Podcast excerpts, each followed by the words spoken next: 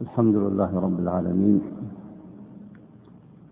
وصلى الله وسلم على نبينا محمد وعلى آله وصحبه أجمعين. سبحانك اللهم لا علم لنا إلا ما علمتنا إنك أنت العليم الحكيم. اللهم أعنا على ذكرك وشكرك وحسن عبادتك. هذه هي المسألة الثالثه عشرة في كتاب الاعتصام. للإمام الشاطبي رحمه الله. اقرأ بارك الله فيك.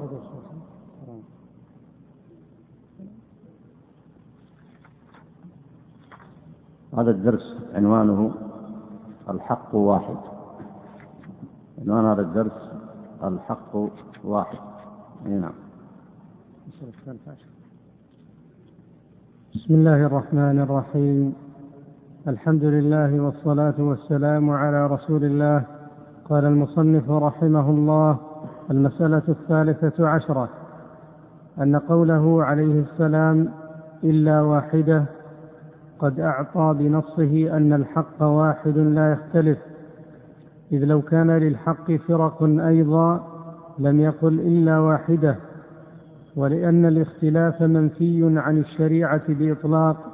لأنها الحاكمة بين المختلفين. هذه بارك الله فيكم الأدلة على أن الحق واحد وأن الشريعة لا اختلاف لا اختلاف فيها. الدليل الأول ما سبق ذكره من حديث النبي عليه الصلاة والسلام وسبق الكلام عليه وهو الحديث الافتراق. فإن النبي عليه الصلاة والسلام قال كلها في النار إلا واحدة. فهذه الواحدة هم الذين على الحق. ووصفهم النبي عليه الصلاة والسلام بقوله ما أنا عليه وأصحابي فدل على أن من كان على الإسلام الذي كان عليه النبي عليه الصلاة والسلام وأصحابه هم أهل الحق والحق في ذلك واحد. هذا الدليل الأول. الدليل الثاني الذي أشار إليه المصنف هو قول الله تعالى ولو في وصف الشريعة المباركة التي اشتملت على الأصول والفروع قال الله عز وجل ولو كان من عند غير الله لوجدوا فيه اختلافا كثيرا. فهذا نفى نفي للاختلاف عن هذه الشريعة فهي على أمر واحد وما جاء فيها هو الحق. الدليل الثالث سيأتي ذكر المصنف لأدلة كثيرة لكن أذكركم أيضا بما مضى في درس المحكمات. في قول الله تعالى ألف لام راء كتاب أحكمت آياته ثم فصلت. فمعنى أحكمت أنها بنيت على الإحكام والإحكام الإتقان وضده الاضطراب والاختلاف. فأثبت الله عز وجل لكتابه الإحكام ونفى عنه الاضطراب والاختلاف. ولو وقع الاختلاف فيه لما صح هذا الوصف فهو كتاب محكم بشهادة الله سبحانه وتعالى بكتابه وهو خير الشاهدين. فالشريعة جاءت على قول محكم لا اختلاف فيها. فهذان فهذه ثلاثة أدلة على هذه المسألة. اقرأ بارك الله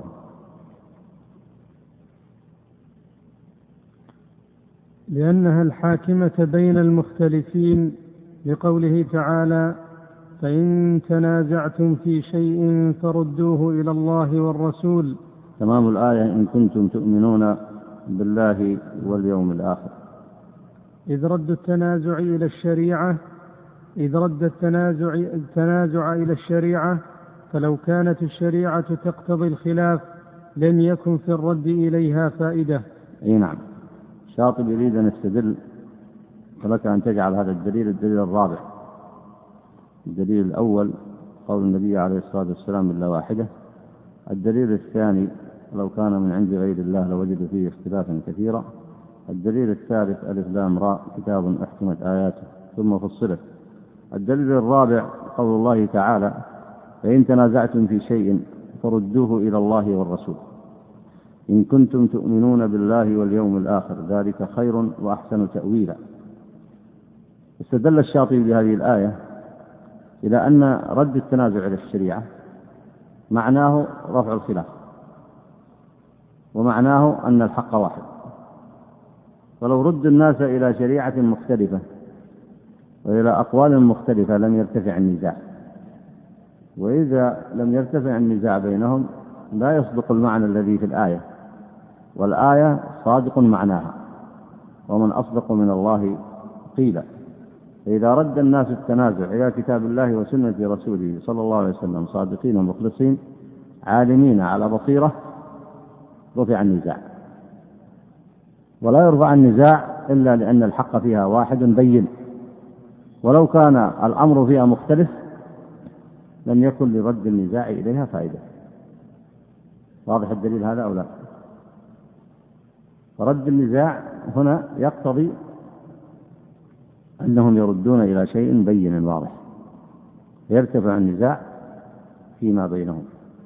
ولهذا قال الإمام الشاطبي هنا ولو كانت الشريعة تقتضي الخلاف لم يكن في الرد إليها فائدة. يعني لو كانت الشريعة بطبيعتها والأحكام الشرعية هي بطبيعتها مختلفة والحق فيها ليس واحد وليس بين لما ارتفع النزاع بين الناس. فلا يصدق معنى الآية. ومعنى الآية لا ريب أنه يصدق لأنه كلام الله ومن أصدق من الله حديثا هذا الدليل الرابع. وسيكمل الشاطبي الاستدلال بهذه الآية. أكمل بارك الله فيك. وقوله في شيء نكرة في سياق الشرط فهي صيغة من صيغ العموم. فتنتظم كل تنازع على العموم فالرد فيها لا يكون إلا إلى أمر واحد فلا يسع أن يكون أهل الحق فرقا. أي نعم. في شيء هنا عموم لأن النكرة في سياق الشرط صيغة من صيغ العموم. والآية هنا تأمر أهل الإسلام بالرد إلى كتاب الله وسنة رسوله صلى الله عليه وسلم. الرد إلى الله الرد إلى كتابه. والرد إلى السنة إلى الرسول الرد إلى سنته عليه الصلاة والسلام. والرد هنا مأمور به في كل شيء. في كل شيء صغر أو كبر. في مسائل العقائد أو الأحكام. في مسائل الغيب أو في أي أمر من المستجدات التي تستجد للناس. في شيء نكرة يعم كل شيء. فوجب على كل مسلم يؤمن بالله ورسوله أن يرد كل أمر إلى الله ورسوله ليتعرف على حكم الله. فهذا الرد كما قال الشاطبي هنا كما هو كلام أهل العلم هذا الرد لا يكون له فائدة إلا إذا كان إلى أمر واحد وأن يكون إلى أمر واحد هو الحق وإلا فما, فما فائدة الرد وما فائدة التحاكم. فالتحاكم هنا إلى أمر واحد والرد إلى أمر واحد. فلو لم نقل إن الحق واحد وقلنا إن الحق تختلف طرقه وتتعدد مشاربه وكل شيء يمكن أن يسمى حقا فما فائدة الرد إلى الكتاب والسنة.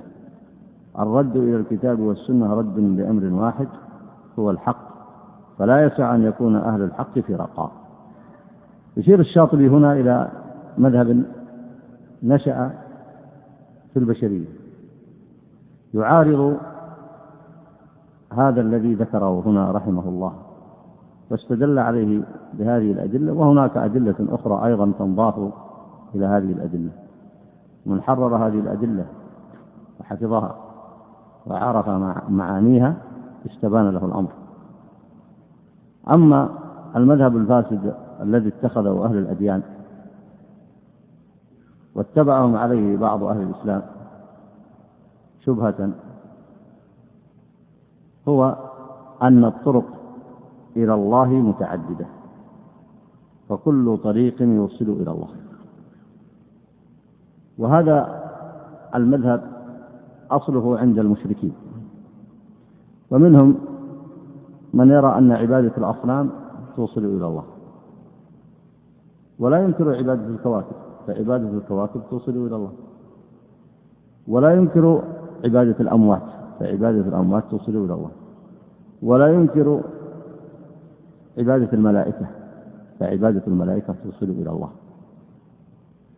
وهكذا تفرق المشركون. فكل منهم يرى أن كل طريق يوصل إلى الله.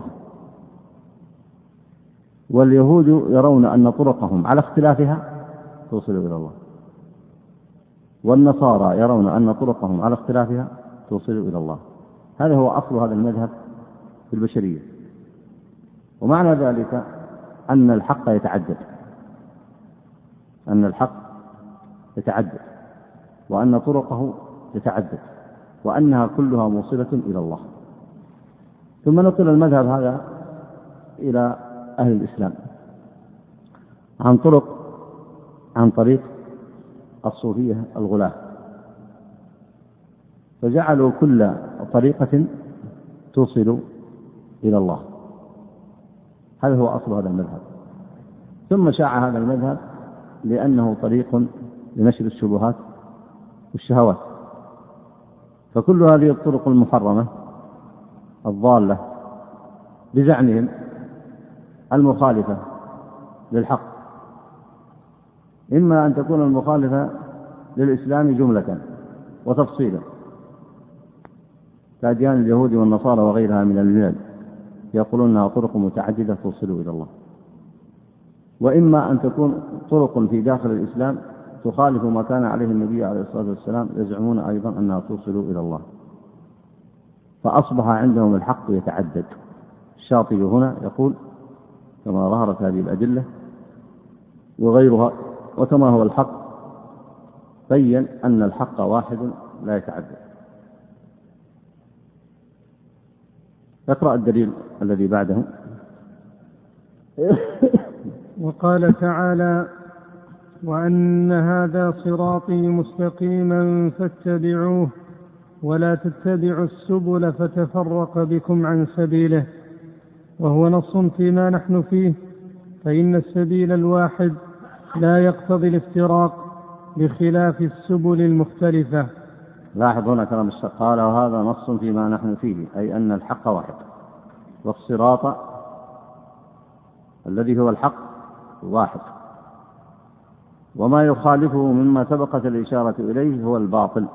لا نسميه حقا ولا نسميها سبلا تؤدي إلى الله بل هي باطلة.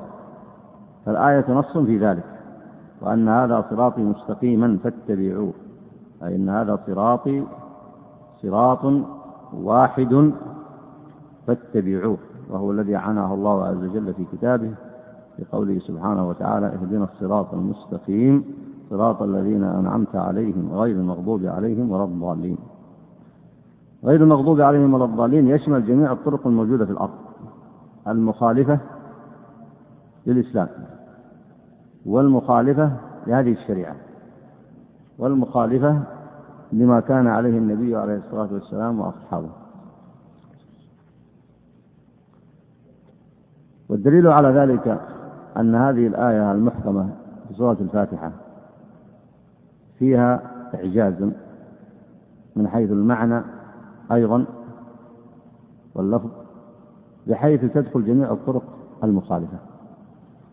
ووجه دخولها أن الناس في الأرض لا يخلو أمرهم لا يخلو أمرهم إما أن يخالفوا الحق بعلم أو بجهل. فإن كانوا بعلم فهو من جنس مخالفة اليهود فإن اليهود عندهم كتب الأنبياء. عليهم الصلاة والسلام. ولكنهم حرفوا وبدلوا وكتموا نبوة محمد صلى الله عليه وسلم بأيديهم وكتموا التحريم جلد رجم الزاني بأيديهم وبدلوا واستحلوا الربا وهذا الحق فيه واحد. الحق في هذه المسائل كسائر المسائل المحكمات الحق فيها واحد. فمن شابههم في ذلك أي معه علم. فتركه وأعرض عنه وبدل وغير وهو على علم ففعله وانحرافه من جنس انحراف اليهود. ولهذا كان كانت أقرب الطوائف في عهد النبي عليه الصلاة والسلام لليهود طوائف كثيرة منها المنافقون.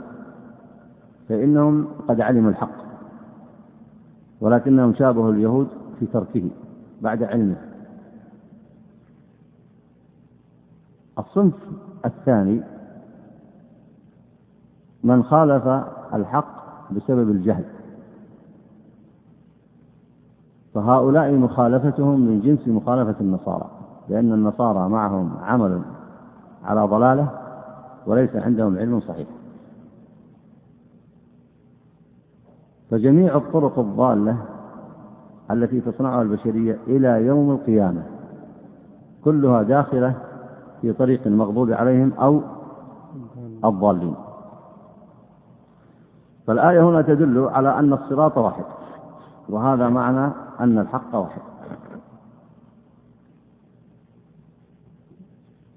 كم دليل معنا الآن؟ خمسة أدلة. هذه المسألة لها أهمية بالغة في جميع العصور. الإسلامية. فالنبي عليه الصلاة والسلام عرض المشركون له هذه الشبه التي تعرض الآن في القنوات. لذلك يجب على العلماء وطلبة العلم أن ينبهوا الناس لما ينتشر من الجهل واللعب بأحكام الشريعة في القنوات وغيرها.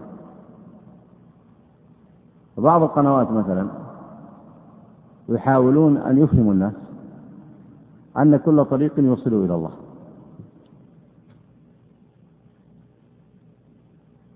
وأن الذي يقول أن الحق واحد أو أنه لا بد عليه من دليل من الكتاب والسنة واضح بين أو أن هناك أصول محكمات وثوابت للأمة أن هؤلاء متشددون. لأن المتغيرات المعاصرة يظنون أنها قضت على هذه الثوابت ثم لبسوا هذا الانحراف بشبهة وهو أن الحق يتعدد. لماذا تفرض أنت أن الحق معك؟ لما لا يكون مع غيرك. فنقول قد يكون الحق معك وقد يكون مع غيرك. لكن هذا كلام عام. لكن نجزم بأن الحق واحد مع واحد من الطرفين. أولى به من اتبع الكتاب والسنة ومن كان عنده دليل صحيح على ذلك. أما أن يتكلم تتكلم هذه الجهة وتتكلم هذه الجهة وتتكلم تلك الجهة ويتكلم هذا العالم ويتكلم ذلك العالم ويتكلم الناس يمين يمينا وشمالا ويتحدث المتحدثون على كثرتهم فيختلفون وتضطرب أقوالهم وتتناقض ويضرب بعضها بعضا في اتجاه معاكس وكل ذلك حق. هذا أمر لا يمكن أن تقبله الشريعة بل هو عبث بالحق وعبث بالهدى وعبث بالرشد. ويترتب على ذلك أيها الإخوة وهذا الشريط لكم وأنتم تسمعونه في هذا المسجد ولكل من يسمعه يترتب على ذلك تحويل الإسلام وجهة نظر. وهذه مسألة خطيرة. هذه مسألة خطيرة. لأن الإسلام دين الله والشريعة القرآن كلام الله لا اختلاف فيه. والسنة معصومة لأن رسولها النبي عليه الصلاة والسلام معصوم. والحق محفوظ في هذه الأمة. فإذا كان هذا كله ليست بالطرق التي يعرف بها الحق فكيف يعرف الحق؟ ودعوى أن الناس إذا اختلفوا وتكلم الناس في الإسلام أن كل كلام يمكن أن يكون صحيحا هذه فتنة هذا ظلم وبغي فمن المحكمات كما سبق معكم تحريم الشرك.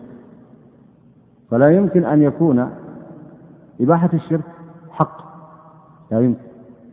لا يمكن أن يكون إباحة الخرافة حق ونفي الخرافة حق. هذا باطل وظلم وكذب على الله. لا يمكن أن يكون القتل جريمة مرة ومرة ليس بجريمة.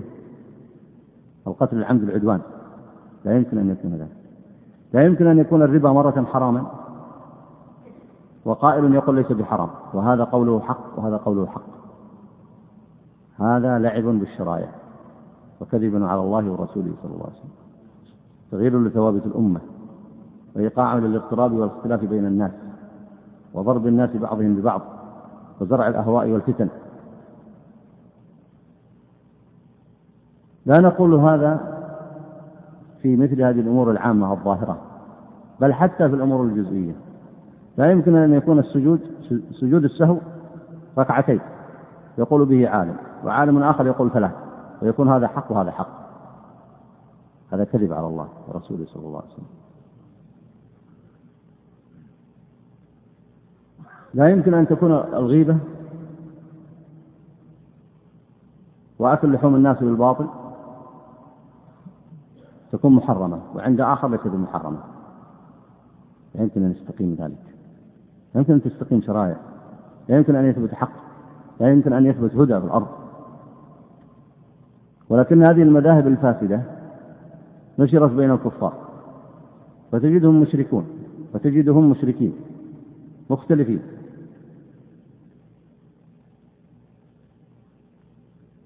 متنازعين. تضرب مذاهبهم في الغلو والكذب على الله. ويضطربون ويختلفون ويتنازعون. ومع ذلك يزعمون لأنفسهم كلهم أنهم في الجنة.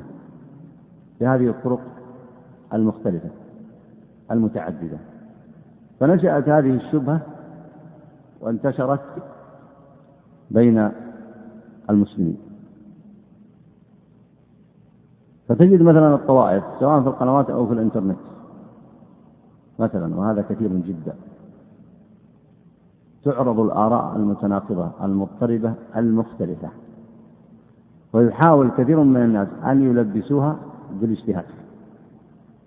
وإذا كانت ناتجة بزعمهم عن اجتهاد فهي صحيحة.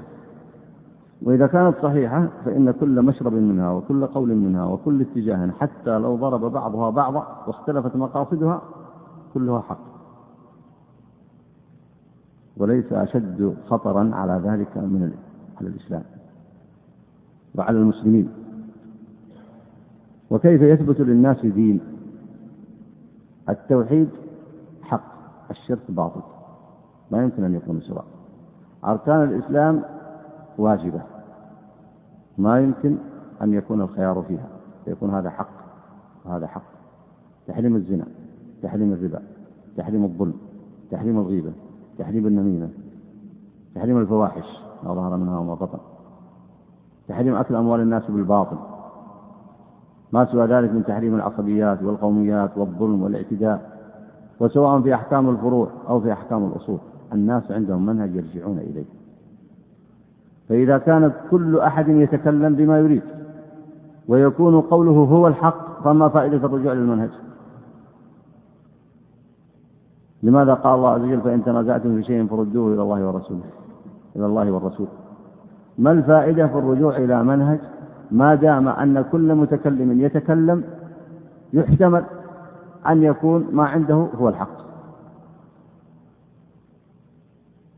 ولذلك من أخطر الأشياء التي شاعت في الناس أنه صار يتكلم في الدين من يعلم ومن لا يعلم. ويتكلم في الدين المسلم والكافر. حتى الكفار يتكلمون في الإسلام. ويعلمون كيف نكون مسلمين.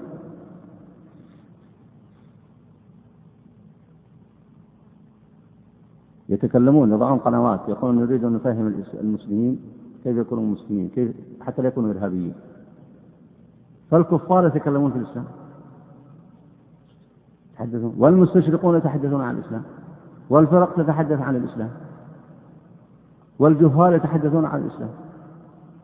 والعلمانيين يتحدثون عن الإسلام. يقول قال الله وقال رسوله. أو, أو, أو كل ذلك يكون حقا؟ يمكن يتصور إنسان أن كل ذلك يكون هو الحق. لكن إذا قيل أن هناك منهج ثابت فمعنى أنهم لا بد أن يرد يردوا إلى المنهج. ليس معقول أن يتكلم الكفار في الإسلام ويردوا إلى المنهج ليس معقول. وليس المعقول أن يتكلم غير متخصص الشريعة ويرد إلى المنهج. ما هو معقول؟ لأنه لا يعرف المنهج لا يلتزم به. فكيف يرد إليه؟ لا يمكن أن تتكلم الفرق وستأتي بحوث آخر الكتاب. أن الفرق جهلت العربية يجهلون لغة العرب فكيف يردون إلى الكتاب يأتي واحد يقول مثلا بجواز نكاح التسع. فلا يمكن أن يكون نكاح الأربع حق ونكاح التسع حق ما يمكن. فيأتي يقول فانكحوا ما طاب لكم من النساء مثنى يعني اثنين. مثنى وثلاث كم صارت؟ خمس ورباع تسعة. هذا كلام عاجل. يفهمون اللغة. علماء اللغة الذي نزل القرآن بلسانهم يقولون هذا معدول به. يعني فانكحوا ما طاب لكم من النساء اثنتين اثنتين أو ثلاثا ثلاثا أو أربعا أربعا. هذا معنى. فإذا قيل هذا لا يتكلم في كتاب الله لأنه أعجمي لا يعرف اللغة. ولازم يكون عربي. يمكن يكون عربي ولا يعرف اللغة. ويمكن يكون أعجمي ويعرف اللغة درس اللغة. لكن المقصود أنه أعجمي لم يدرس اللغة لم يعرفها. وما يمكن أن يكون يتكلم في كتاب الله. فكيف يتجرأ هذا الذي في العالم كله يتحدث عن الإسلام؟ كيف يتجرؤون؟ يلغون المنهج. كيف يلغون المنهج؟ يقول لك الحق يتحدث. وكل إنسان يمكن أن يتكلم أو فرقة يمكن أن يكون كلامها هو الحق. طيب ما في ضابط؟ قال ما في ضابط. الحق يتعدد. والطرق كلها موصلة إلى الله. وعند النصارى الطرق كلها موصلة إلى الله. وعند اليهود الطرق كلها موصلة إلى الله وغير ذلك. طيب إذا وصلنا إلى هذه الدرجة ما الضابط؟ ما هو الضابط؟ الضابط أن يعود الناس إلى المنهج. إذا عدنا الناس إلى المنهج إلى الكتاب والسنة صار ما كل أحد يدخل على الكتاب والسنة إلا من يعلم الكتاب والسنة. وهؤلاء لا يعلمونها فلا بد أن يتحدثوا فألغوا المنهج ألغوا الرجوع إليه كيف يلغون الرجوع إليه يلغون الرجوع إليه يقول يمكن أن يكون كل كلام واحد منكم ولو اختلفتم أنتم كلكم الآن اللي في المسجد يمكن أن يكون حقا إذا كان يمكن أن يكون حقا هل في فائدة من الرجوع إلى المنهج؟ متى يرد الناس إلى التنازع؟ لماذا يردون الناس إلى الكتاب والسنة؟ حتى يعرف الحق. فإذا كان ابتداء أن كل ما يقول هؤلاء بزعم الاجتهاد أو غيره أنه حق فلماذا يعودون إلى المنهج؟ ألغي المنهج أم لا؟ ولهذا فتح الباب. المستشرقون يتكلمون عن الإسلام. الكفار حتى اللي ما درسوا الإسلام الآن يمكن يجيك رئيس دولة يتكلم عن الإسلام المستشرق يقولون درس الإسلام حتى نقول نحن لو درس الإسلام ينقصهم العلم العربية ينقصهم شرط العدالة شروط الاجتهاد كثيرة. لكن وهذا الشريط أيضا يستفيد منه المتخصصون. من العجب أن بعض الفرق الضالة قديما ليس وهو الآن يحرك القنوات الموجودة الآن.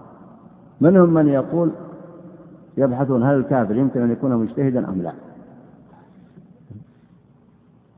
فإذا صح أن الكفار يتحدثون عن الإسلام ويريدون أن يعلمون أن يعلمون الإسلام.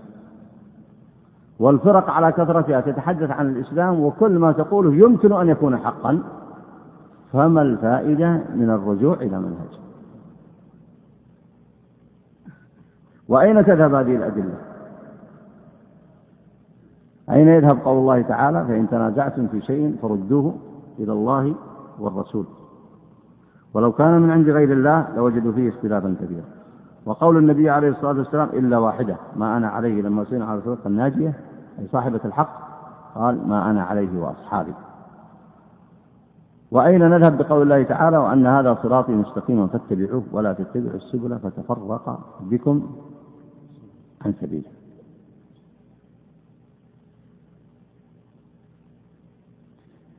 من الشبه التي يعرضونها على الناس يقول لك إنه في الأدلة قطعي وظني. قطعي مثلا مثل قل هو الله قل هو الله أحد. وفي نصوص ظنية وردت في المعاملات وفي غيرها. فالجواب هنا القول بأن الحق واحد يشمل هذا ويشمل هذا. يعني مهما كانت قوة الدليل مهما كانت قوة الدليل فإن النتيجة لا تختلف الحق واحد. فبقي أن تسأل هنا. طيب فإذا اختلف الناس إذا اختلف المجتهدون إذا اختلف العلماء الآن تطور الموضوع الآن. ممكن تقول إذا اختلف عموم الناس. بل تطور الموضوع تقول إذا اختلف المسلمون والكفار لأن الكفار راح يتحدثون عن الإسلام. فإذا اختلفوا ما الحكم؟ يحجب كل اختلاف إلا ما كان بين من عنده آلة الاجتهاد. كل اختلاف غير معتبر يرمى به. لا يعتبر أصلا. يعني لابد أن نضع دائرة أهل الاختصاص. علماء الشريعة يضعون دائرة أهل الاختصاص أهل الاجتهاد. يجي واحد يقول يا أخي كيف؟ تضيقون هذه الدائرة والإسلام للناس جميعا. قلنا الإسلام للناس جميعا يتعلمونه ويعملون به. وفي محكمات يشترك الناس فيها كما سبقت الإشارة إليه. لكن ما لا ليس معنى ذلك أن كل الناس يدخلون في هذه الدائرة ويتحدثون عن الإسلام. بدليل أننا الآن محجوبون عقلا وشرعا. شرعا وعقلا. كلنا الآن أهل المسجد. محجوبون إلا كان فيكم صاحب اختصاص في الفيزياء ولا ما يمكن نتكلم في الفيزياء ما يمكن نتكلم في الطب ولا نقع في جريمة ممكن نأتي نجتمع يجتمع من الآن من خيارنا وصلحاءنا يجتمعون يجيبون لهم واحد قال والله هذا وش يحتاج؟ قال والله يحتاج من الدواء كذا وكذا وكذا وكذا ها؟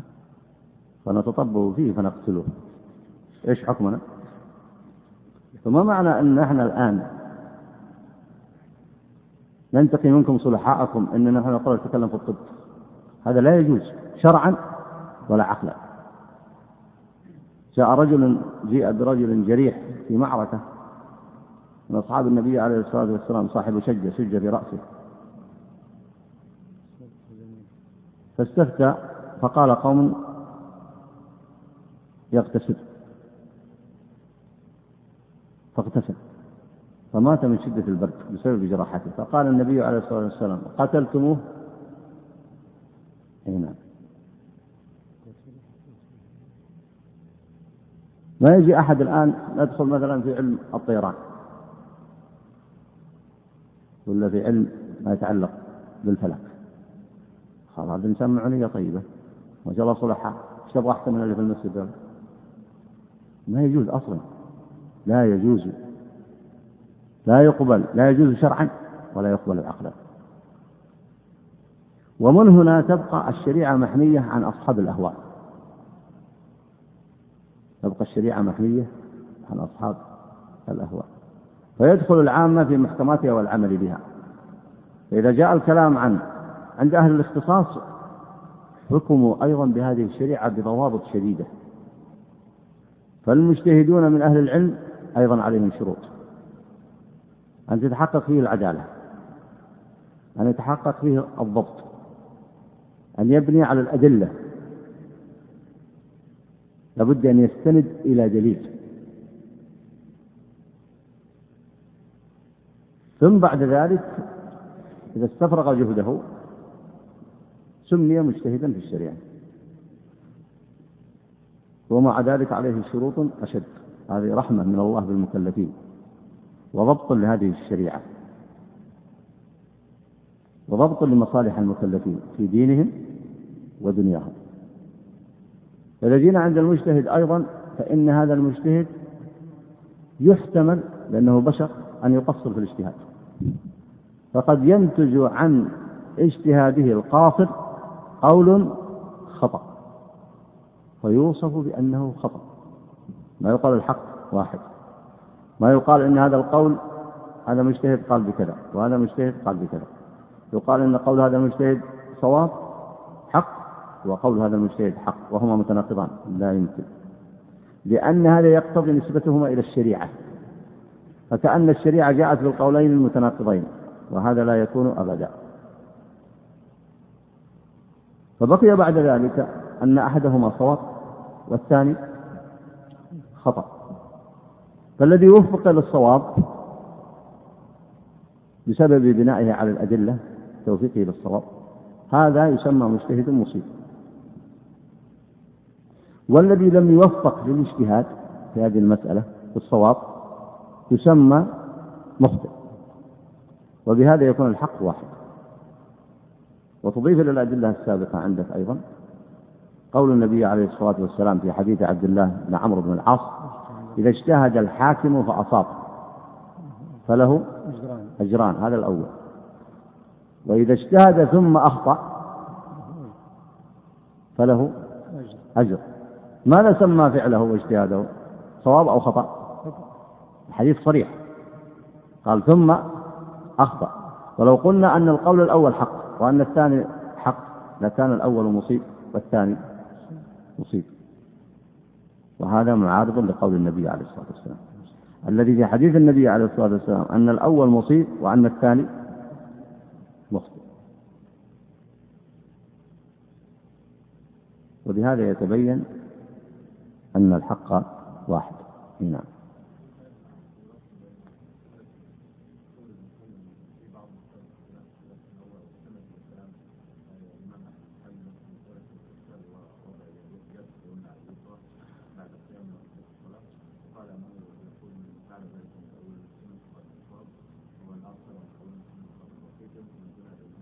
يعني الاختلاف التنوع غير اختلاف التضاد.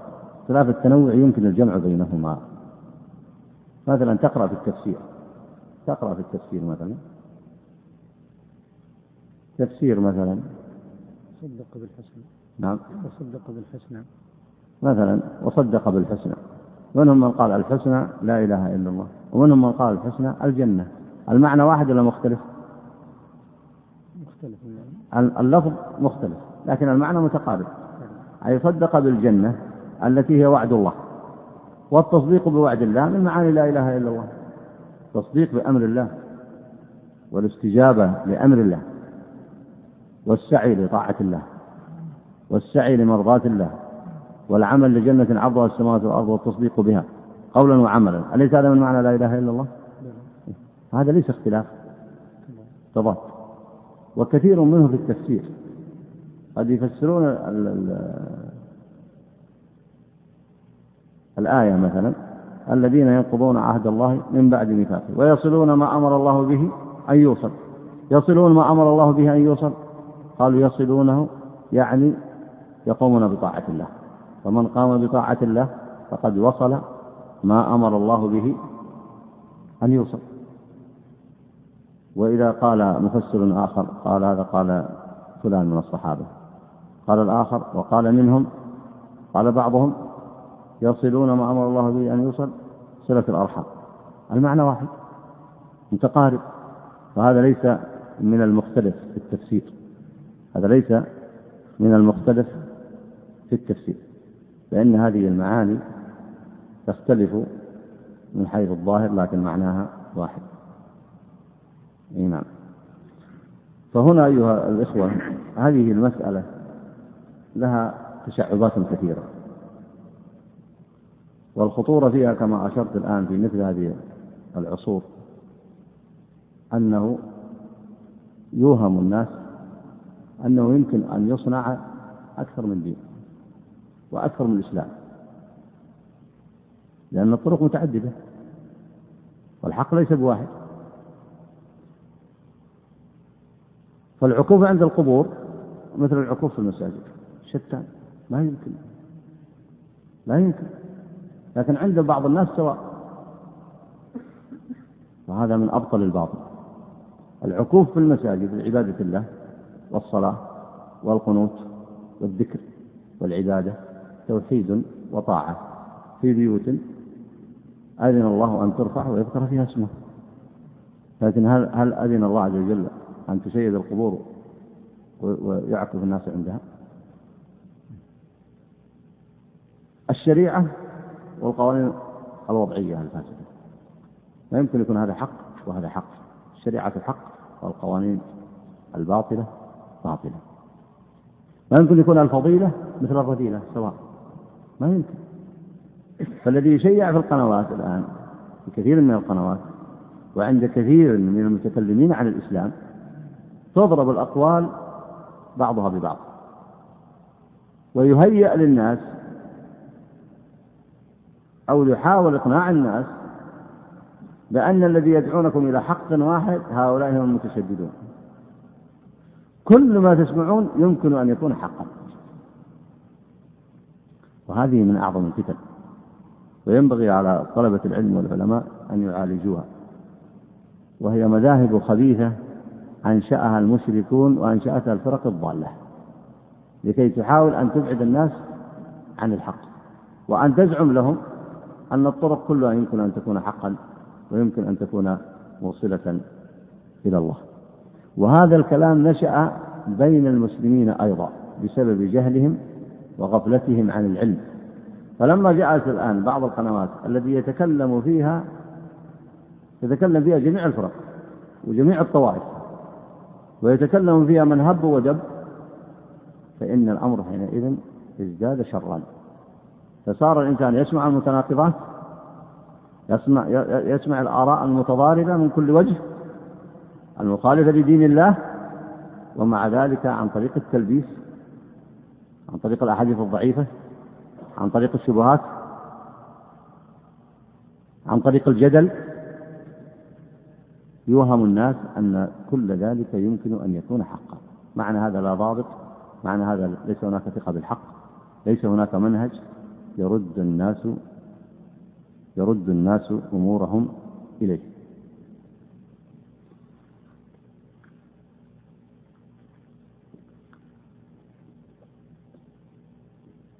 يقرأ بارك الله فيك.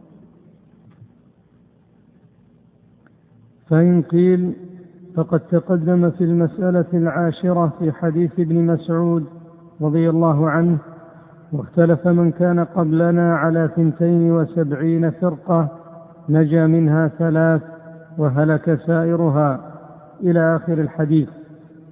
فلو لزم ما قلت لم يجعل أولئك الفرق ثلاثا وكانوا فرقة واحدة. وحين بينوا وحين بينوا ظهر أنهم كلهم على الحق والصواب. فكذلك يجوز أن تكون الفرق في هذه الأمة لو أن الحديث أخبر أن الناجية واحدة. اقرأ الجواب؟ فالجواب اولا أن ذلك الحديث لم نشترط الصحة في نقله إذ لم نجده في الكتب التي لدينا المشترط فيها الصحة. يعني لا يثبت هذا الحديث لا يثبت ويكفي أنه ليس في الكتب المعروفة ولم تثبت فيه الصحة كما قال المصنف وإنما أورده ليبين معناه لو صح. هذه طريقة عند بعض المصنفين. قد يورد الحديث الذي لا يصح ليذكر الجواب عليه. يقول لو صح فكان معناه كذلك. نعم. وثانيا أن تلك الفرق إن عدت هنا ثلاثا فإنما عدت هناك واحدة لعدم الاختلاف بينهم في أصل الاتباع وإنما الاختلاف في القدرة على الأمر بالمعروف والنهي عن المنكر أو عدمها وفي كيفية الأمر والنهي خاصة. من يذكر موضعه؟ الشاطبي؟ نعم تفضل. أقول من يذكر موضع الحديث السابق؟ هذا الحديث سبق. قال المصنف تقدم في المسألة العاشرة.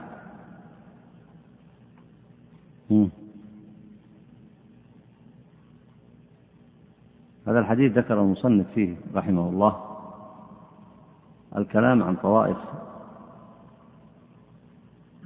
المسلمين من أتباع عيسى عليه السلام في الأمر بالمعروف والنهي عن المنكر وأنه لما رأوا الباطل ينتشر ورأوا الشرك والفساد والظلم فإنهم انقسموا إلى طوائف.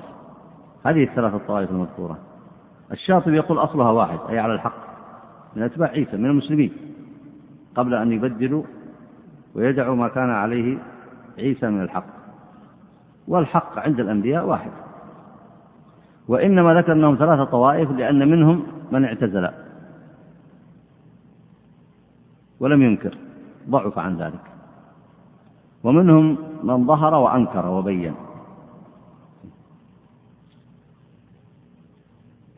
ومنهم من قبل الدنيا وضاع فيها. فهم من حيث التقسيم بسبب قدرتهم على الأمر بالمعروف والنهي عن المنكر وكيفية الأمر والنهي هنا كما ذكر. لكن من حيث الأصل الحق عندهم واحد. يعني يعني مثاله لو أن قوم من أهل السنة وهم على الحق أهل السنة والجماعة لكنهم اختلفوا في الأمر والنهي. منهم من اعتزل قال لا أستطيع. ولذلك قال من حيث القدرة. ومنهم من ظهر وأمر ونهى ومنهم من ضاع في الدنيا بسبب سلوكياته الخاطئة. فهذا وهذا كلهم لما تأتي لأصولهم واحدة لكنهم أخطأ, أخطأ بعضهم وأصاب وأصاب الآخر. إي نعم. فهذه الفرق لا تنافي لصحة الجمع بينه لا تنافي لا تنافي لصحة الجمع بينهما. فنحن نعلم أن المخاطبين في ملتنا بالأمر بالمعروف والنهي عن المنكر على مراتب فمنهم من يقدر على ذلك باليد. وهم الملوك والحكام ومن أشبههم. ومنهم الحديث الذي لم يلتزم فيه الصحة. الحديث هذا أخرجه الحاكم في المستدرك. هذا خرج عبد الله بن عمر عن ابن مسعود قال رسول الله صلى الله عليه وسلم يا عبد الله بن مسعود قلت لبيك رسول الله ثم ذكر الحديث. هذا الحديث المصنف لم يلتزم فيه الصحة وهذا الحديث سبق الكلام في أن في في أن في أن إسناده ضعيف. لكن حتى المعنى الذي فيه لا إشكال فيه. اسمع المعنى المذكور. يقول واختلف من قبلنا على ثنتين وسبعين فرقة نجا منهم ثلاث. لك أن تقول نجا منهم ثلاث لاحظ هنا. ليسوا في أصل الافتراض قال وهلك سائرها. يعني نجا منهم أهل الحق. نجا منهم أهل الحق. هؤلاء أهل الحق على ثلاثة. فرقة آذت الملوك وقاتلتهم على دين الله ودين عيسى بن مريم حتى قتلوا.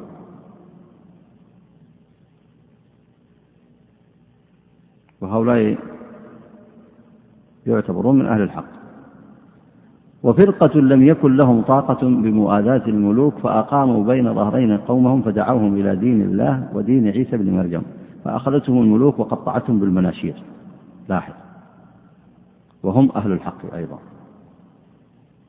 فهؤلاء الثلاثة الاثنين الطوائف هذه في حكم الواحدة إلا من اختلفوا في القدرة في الأمر والنهي. وفرقة لم يكن لهم طائفة طاقة بمؤاذاة الملوك ولا بأن يقيموا بين ظهراني قومهم فيدعوهم إلى دين الله ودين عيسى بن مريم فساحوا في الجبال وهربوا فيها. اعتزلوا الناس. اعتزلوا الناس. اعتزلوا الناس من خيرهم واعتزلوا الناس من شرهم. فهؤلاء كلهم أهل حق. فلا يقال أن الثلاثة الطوائف هناك معنى تعدد الحق. هذا أصل دينهم الحق. وملتزمون بما جاء به عيسى عليه السلام. لكنهم في مجال في هذا المجال الذي هم فيه اختلفت قدراتهم. فلا يفهم هنا أن ما ورد هنا في الحديث وهذا من دقة الإمام الشاطبي لما جاء. جاء باعتراض قد يشتبه على البعض. وهو ما ورد في الحديث قال نجا منها ثلاث. لك أن تقول هنا نجا من الاثنتين والسبعين واحدة. بدل ثلاث لك أن تقول واحدة من حيث المعنى العلمي. تقول واحدة. إلا أن هذه الواحدة التي على الحق اختلفت أساليبها في الأمر بالمعروف والنهي عن المنكر بحسب قدرتهم واجتهادهم إلى خير. لأن الأولين صبروا وبينوا ووضحوا والآخرون اعتزلوا وأوذوا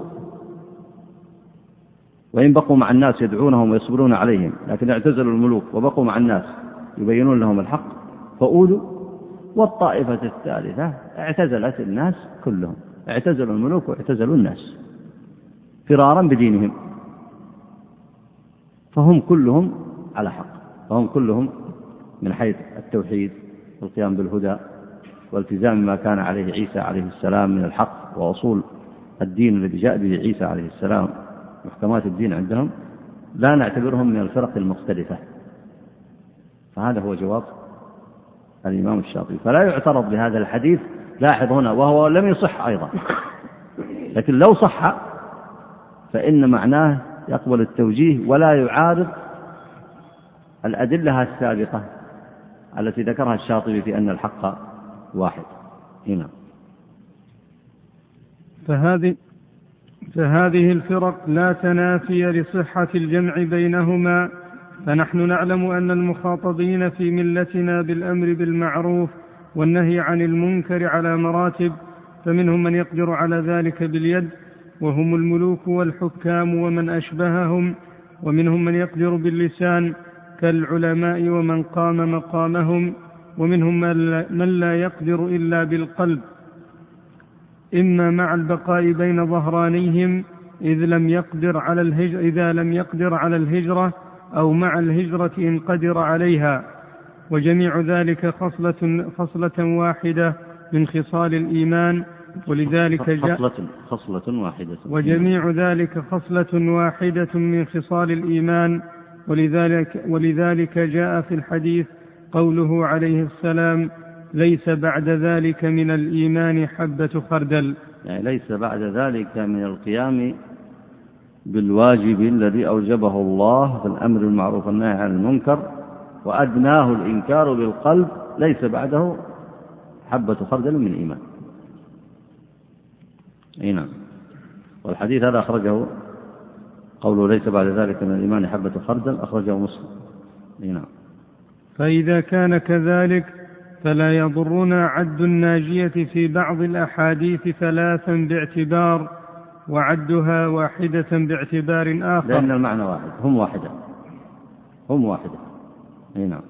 وإنما يبقى النظر في عد في عدها اثنتين وسبعين فتصير بهذا الاعتبار سبعين وهو معارض لما تقدم من جهة الجمع بين فرق هذه الأمة وفرق غيرها.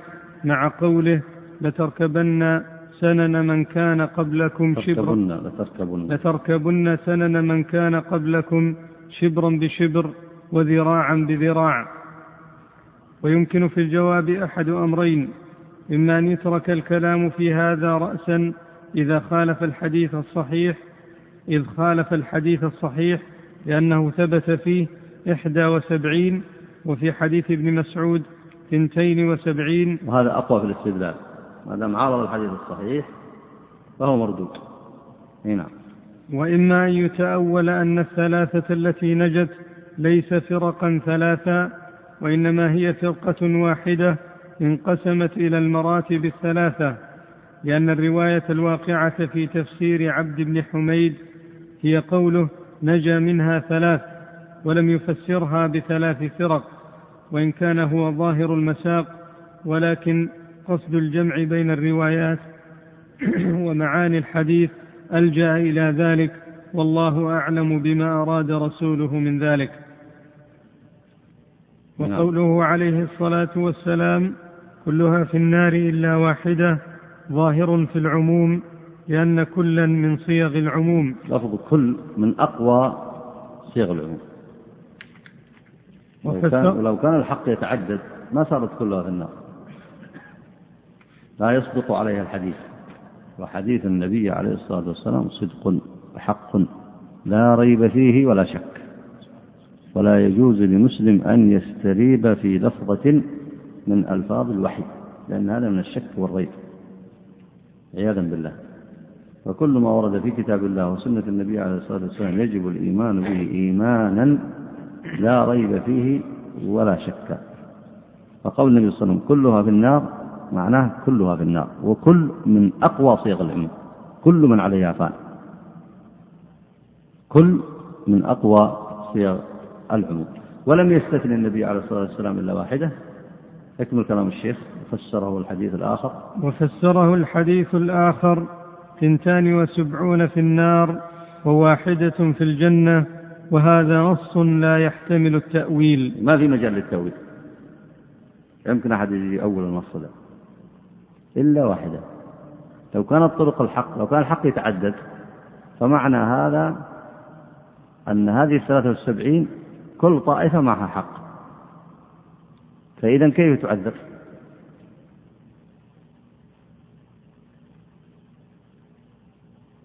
وحديث عبد الله بن عمرو بن العاص الذي يثبت أن الاجتهاد قد يكون صوابا وقد يكون خطأ ما معنى قد يكون صوابا؟ قد يكون خطأ أنه إذا تبين المجتهد العالم أن اجتهاده خطأ وجب عليه الرجوع. وجب عليه الرجوع.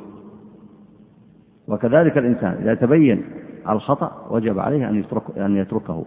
ومعنى هذا أن الأمة تجتمع ولا تفترق ومعنى هذا أن الشريعة تكون في صيانة. تكون في صيانة. ومعنى هذا أيضا أن يكون الناس لهم ثقة بالكتاب والسنة. ثقة بالأدلة. يعني لما تسمع قال الله يصير يزيدك إيمان. ويصير عندك ثقة وازدياد. لكن لو كان كل كلام يمكن أن يخالف الآية يقوله فلان أو يقوله فلان يحتمل أن يكون حق. من أين تأتيك الثقة؟ وأيضا تكون لك ثقة وإيمان إذا سمعت قال رسول الله صلى الله عليه وسلم. ثم أيضا أين نذهب بإجماعات الأمة؟ التي على طول القرون. أكثر من أربعة عشر قرنا. يجمعون على أن الربا حرام. على أن الزنا حرام. يجمعون على تحريم الخرافة والأمر بالتوحيد. تحريم الشرك. تحريم الضلالات تحريم البدع يجمعون على تحريم الظلم والبغي يجمعون على تحريم الفواحش ما ظهر منها وما بطن يجمعون على أمور كثيرة. أنت لما تقرأ الآن كتب الفقه أول باب أول مسألة في الفقه أكثرها مسائل إجماعية. وين نذهب بهذه الإجماعات؟ إذا كان كل ما يمكن أن يقوله الناس حق وصواب. ثم أيضا ما الذي يجمع الأمة؟ يجمعها أن هناك حق واحد تجتمع عليه وإلا أن هناك طرق كثيرة أكبر مشكلة نواجهها الآن في هذا العصر ما هي؟ الأمة واحدة ولا متفرقة؟ لماذا؟ بسبب هذه المذاهب الفاسدة. بسبب هذه المذاهب الفاسدة. ومن الشبه في هذا الموضوع ونختم بذلك أن منهم من يقول طيب الصحابة اجتهدوا واختلفوا. ونقول نعم حتى وإن اجتهدوا واختلفوا فإن هناك صواب وهناك خطأ. إلا أن صاحب الصواب له أجران وصاحب الخطأ إذا استفرغ وسعه له أجر. لكن مقصد الشارع يعني حكم الشارع في هذا الخلاف واحد. لأن عندنا نص نثق به من قول النبي عليه الصلاة والسلام. إذا اجتهد الحاكم سواء كان أبو بكر أو عمر أو كان عالما غير حاكم يدخل في الحديث. أو قاضيا حاكما أو كان عالما غير قاض ولا حاكم يدخل في الحديث. فإذا اجتهد أحدهم فأصاب. فنقول هذا اجتهاد وفق المجتهد وفق للإصابة وله أجران. وإذا اجتهد وأخطأ نقول يمكن أن يخطئ. فعندنا صواب وعندنا خطأ فما يمكن نلغي, نلغي القاعدة حتى في أصحاب النبي عليه الصلاة والسلام. النبي عليه الصلاة والسلام لما جاء حتى في الأنبياء ما يمكن نلغي القاعدة هذه. النبي عليه الصلاة والسلام لما جاء في بدر واجتهد هو وكثير من الصحابة إلا عمر بأخذ الفداء فأخذ الفداء النبي عليه الصلاة والسلام من الأسرى. وكان لهم حكم خاص أراده الله وهو القتل بسبب شدة عدائهم للإسلام وأن الإسلام بعد لم يتمكن. فنزل قول الله تعالى ما كان لنبي أن يكون له أسرى حتى يثخن في الأرض أي حتى يتمكن في الأرض. هذا اجتهاد. وعمر رضي الله عنه كان يرى قتلهم. فما يمكن أن نقول هذا صواب وهذا صواب بل واحد منهم صواب واحد منهم خطأ. وتبين بحكم الله أن واحدا هو الخطأ أو هو خلاف الأولى تأدبا مع النبي عليه الصلاة والسلام. لكن الله بين لنبيه ووجه نبيه وربى نبيه وأنزل هذه الآية عتابا له عليه الصلاة والسلام. وكذلك خالد بن الوليد رضي الله عنه في بعض المعارك لما اجتهد فجاءه قوم فقالوا صبأنا صبأنا. بلغتهم صبأنا أي أسلمنا. فقتلهم. ثم جاء لأسرى عبد الله بن عمر وأصحابه فامتنعوا. قالوا والله لا نقتلهم قوم أسلموا. فقال خالد بن الوليد أسلموا لما رأوا السيف. فقالوا وإن كان. فرجعوا إلى النبي عليه الصلاة والسلام. فالنبي ما قال هذا صواب وهذا صواب مع أنه من كبار الصحابة رضوان الله عليهم. بل قال هذا خطأ فعل خالد رضي الله عنه وهذا فعل ابن مسعود وأصحابه صواب. فحتى هذه القاعدة تطبق على أصحاب النبي عليه الصلاة والسلام. فمن الشبهة التي يروج لها يقول لك يا أخي هؤلاء مجتهدين. وهذا وقع اختلاف في عهد النبي صلى الله عليه وسلم. يقول الاختلاف الذي وقع في عهد النبي عليه الصلاة والسلام إنما هو اختلاف في تطبيق بعض الأحكام واجتهاد في بعض الفروع. ليس كما يصنعه الآن أصحاب القنوات ولا مثل ما تصنعه الأمة الآن. عكوف عند المساجد وقوم يعكفون عند القبور. ما في يمكن يكون هذا حق وهذا باطل. شريعة وقوانين وضعية. ما يمكن يكون هذا حق وهذا حق. الصحابة لم يصنعوا ذلك. الصحابة كانت أصولهم صحيحة. ولم يعرف بينهم شرك. ولم تعرف بينهم بدع. رضوان الله عليهم الخلاف الموجود مثل الخلاف الذي بين بعض الفقهاء والخلاف الذي بين الصحابة هذا خلاف له توجيهه. ومع ذلك يعذر المجتهد في خلافه إذا خالف الدليل إذا استفرغ وسعه وحقق شروط الاجتهاد ونقول أيضا أن فعل هذا صواب وفعل هذا خطأ. لماذا نقول فعل هذا صواب ونقول فعل هذا خطأ؟ صواب لكي نثبت أحكام الشريعة. فلا يدخلها الشك والريب والاختلاف. نقول هذا صواب. ونؤكد الثقة بالأدلة. ونقول هذا خطأ ليعرف الناس أن هناك منهج يرد إليه. ما هو المنهج الذي نرد إليه؟ الكتاب والسنة. حتى نعرف هذا الخطأ. ما البديل عنه؟ ما الصواب؟ قلنا الصواب قال الله وقال الرسول.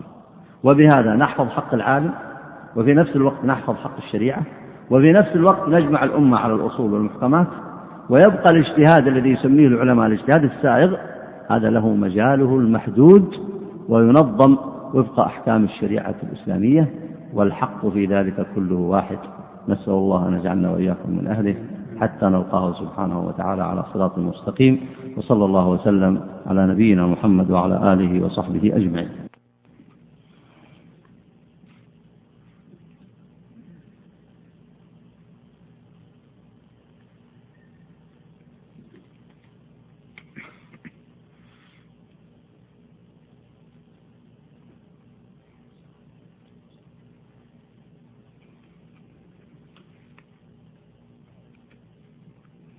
هذا السائل يسأل يقول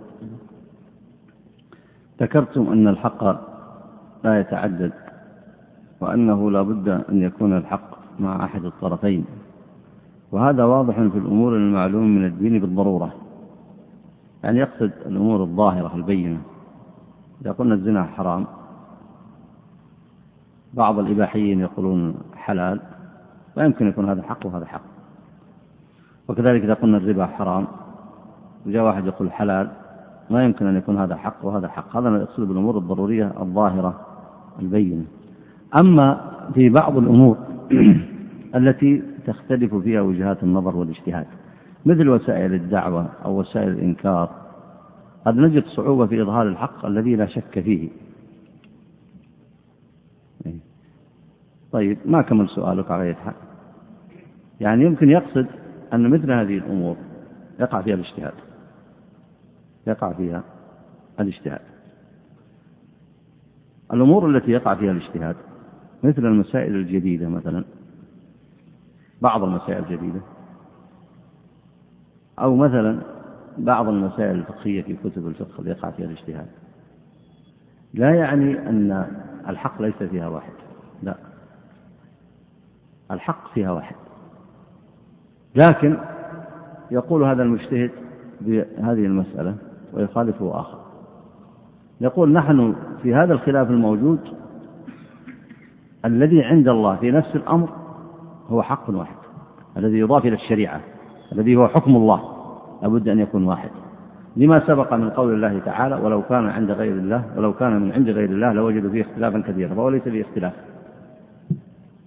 فالشريعة على قول واحد. لكن في اجتهاد المجتهدين قد ينظر كل إنسان للمسألة من جهة. فنقول فيها صواب. فيها صواب قطعا. وقد يصيبه البعض وقد لا يوفق له البعض.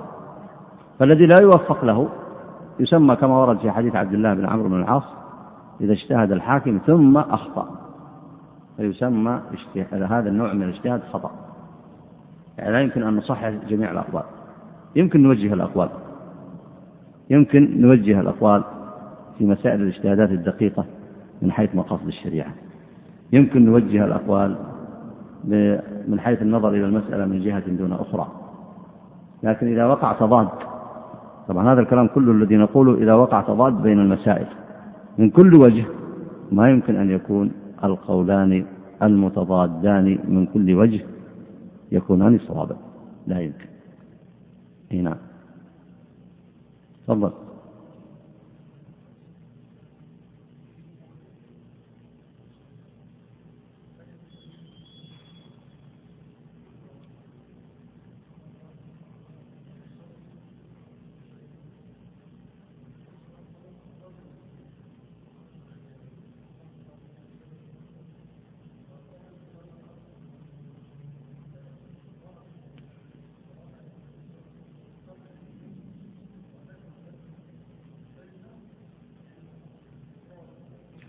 أحسنت. هذا حديث النبي عليه الصلاة والسلام الذي قال لأصحابه لا يصلين أحدكم العصر إلا في بني قريظة.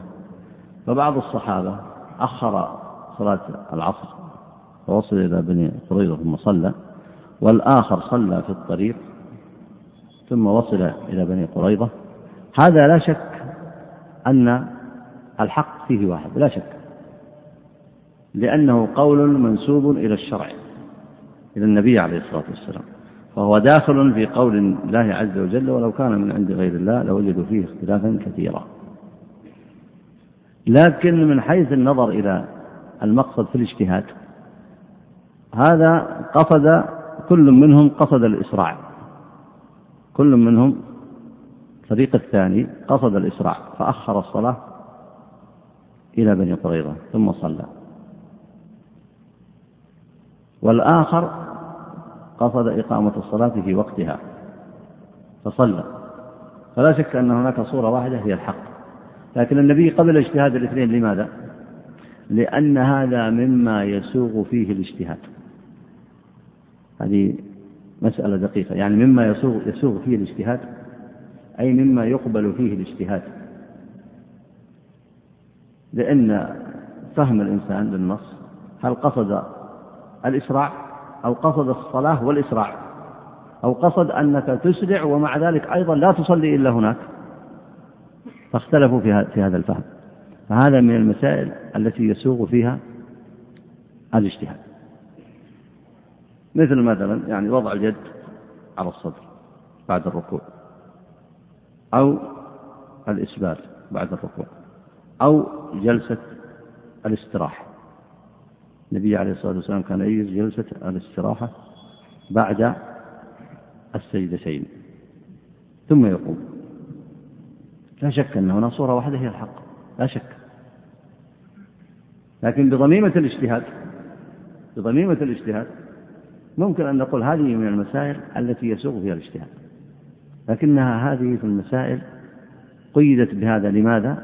لأنها يسوغ فيها الاجتهاد. في مسائل أخرى ما يمكن أن نعود إلى نفس الإشكالات السابقة وكل واحد يزعم أن الحق معه في ذلك.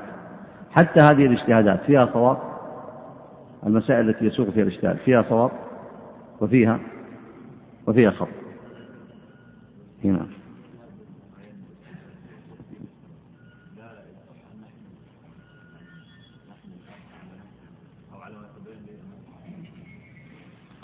لكن تبين له المسائل التي يسوق فيها الاجتهاد يكون فيها أكثر من رأي. ما مهمة الأمة فيها؟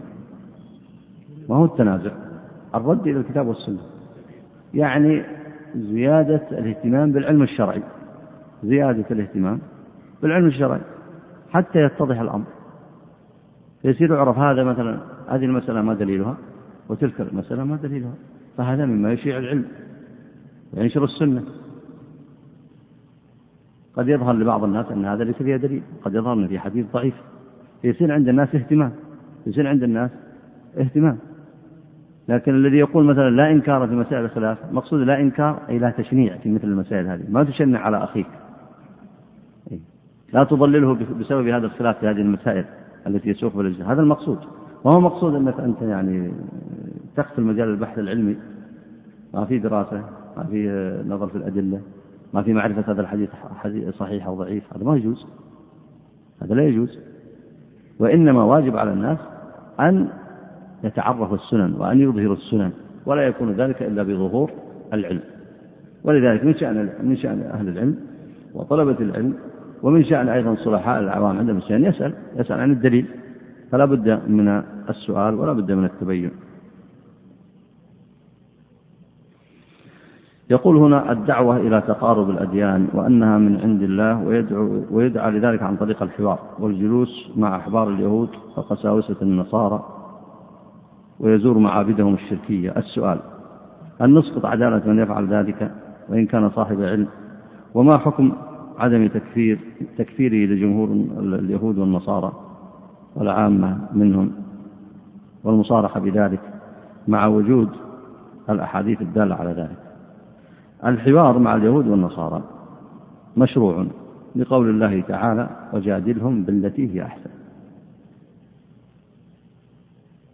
لقول الله تعالى وجادلهم بالتي هي أحسن ادع إلى سبيل ربك بالحكمة والموعظة الحسنة. وهذا عام في الدعوة لجميع الكفار. وقول الله عز وجل قل تعالوا قل يا أهل الكتاب تعالوا إلى كلمة سواء بيننا وبينكم ألا نعبد إلا الله ولا نشرك به شيئا. فالحوار ينبغي أن يكون على ذلك. الدعوة التي هي أحسن إظهار الحجة إظهار البيان بيان الحق والتوحيد وبيان ما يضاده وبيان الباطل الذي هم عليه لمصلحتهم ومصلحة هدايتهم وإظهار الحق فيهم. هذا هو الحوار الصحيح وهو الذي عمله النبي عليه الصلاة والسلام. فيجب العمل بذلك. إظهار الحق الذي جاء به النبي عليه الصلاة والسلام والذي بينه الله في كتابه وبينه الرسول صلى الله عليه وسلم في سنته أن يظهر هذا الحق للناس جميعا. يظهر للكفار من أهل الأرض بالتي هي أحسن. ولا تجادلوا أهل الكتاب إلا بالتي هي أحسن إلا الذين ظلموا منهم. فاستثنى حالة الظلم والعدوان والتعدي أنه ما في مجال للمجادلة بالتي هي أحسن. فلا بد من إقامة الحق والدفاع عنه لا بد من الدفاع عنه. فيبقى الأصل في الحوار المذكور هنا عند السائل هو ليس الحوار معناه تقرير مذاهبهم. وليس الحوار هو تقرير تعدد الأديان لأن هذا كفر والعياذ بالله. من أقر بذلك فقد كذب الله وكذب الكتاب والسنة. وليس معنى الحوار معهم هو إقرارهم على شركهم. هذا من الظلم والبغي والتعدي عليهم هم أنفسهم. التعدي عليهم وظلمهم ولا يجوز ذلك. يعني ظلم الكافر بإقراره على شركه وحجب الحق عنه هذا ظلم وبغي حرمه الله على المسلم. فالحوار كما بينه الله في كتابه وسنة النبي عليه الصلاة والسلام. أن يبين لهم الحق بأحسن الطرق وأسهل الطرق. وفرق بين المحمول الذي هو الحق والحامل. في الناس يخلطون بين هذا وبين هذا. المحمول هو الحق والحامل هو الوسيلة. فأنت مأمور بالحسنى في أي شيء في الوسيلة بالتي هي أحسن. لكن الحق الذي هو محمول هنا لا يجوز لك أن تتصرف فيه بحال لا يجوز التصرف فيه بأي حال منه لا يجوز الإنقاص منه حتى يرضى اليهود والنصارى. لا يجوز.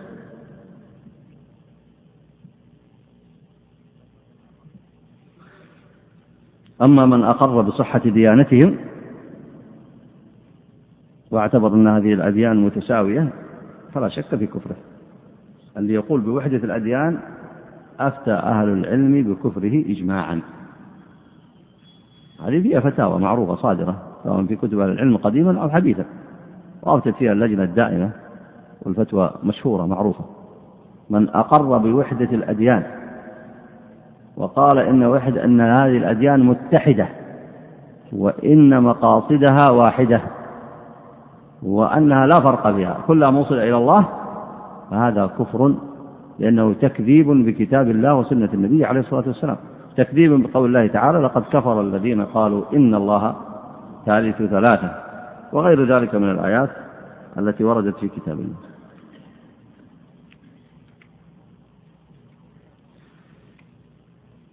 يقول هناك بعض الكتاب بعض الكتابات التي يكتبها بعض من نظن بهم خيرا. نركز تركز على الدعوة على الحوار وعدم احتكار الحق على فئة وأنها الناجية فما توجيهكم؟ إذا كان هذا المعنى إذا كان هذا المعنى أن الحق لا يعرف في طائفة هذا باطل. لأننا إذا قلنا أن الحق لا يعرف في طائفة معنى هذا أن الحق قد ضاع في الأمة. هذا باطل. إذا قلنا شوف وبعدين العبارات الصحفية هذه مشكلة. احتكار الحق. في شيء اسمه احتكار الحق. لكن إضافة الحق لطائفة هذا منصوص عليه والذي يجهل عليه بالعلم. يقول هل أضاف الشريعة الإسلامية المباركة الحق إلى طائفة؟ نقول نعم لأن النبي عليه الصلاة والسلام لما ذكر أهل الحق واختلاف أهل عفوا لما ذكر أهل الأرض واختلافهم من الكفار والمسلمين قال ما أنا عليه وأصحابي فنحن نجزم. قطعا إيمانا لا شك فيه ولا ريب ولا تردد. أن ما كان عليه النبي عليه الصلاة والسلام بإقامة التوحيد والنهي عن الشرك وإقامة الشريعة والحكم بها والتمييز بين المسلمين والكافرين وحجب البدع والكفر والشرك عن المسلمين أن ذلك حق وأن هذه الطائفة التي قامت بذلك هي الطائفة الناجية وهم أهل الحق. نجزم بذلك جزما لا ريب فيه ولا شك. ونصدق بذلك تصديقا جازما لا ريب فيه ولا يجوز الشك في ذلك على الإطلاق. ثم نقول ومن كان على طريقتهم ومثله ومن كان على طريقتهم فهو من أهل الحق. ولا يجي واحد يقول احتكرتم. ما داعي للاحتكار من أراد أن يكون على مثل ذلك فسنة النبي عليه الصلاة والسلام. عقيدته وشريعته وأعماله وأخلاقه وأحكامه ومواقفه في الأرض معلومة. من كان يريد أن يدخل في هذا الحق فهذه سنة النبي عليه الصلاة والسلام وطريقته. فمن احتكر ذلك؟ إي نعم. نكتفي بهذا المقدار. وأسأل الله عز وجل أن يحيينا وإياكم على الحق ويتوفانا عليه. صلى الله وسلم على نبينا محمد وعلى آله وصحبه أجمعين.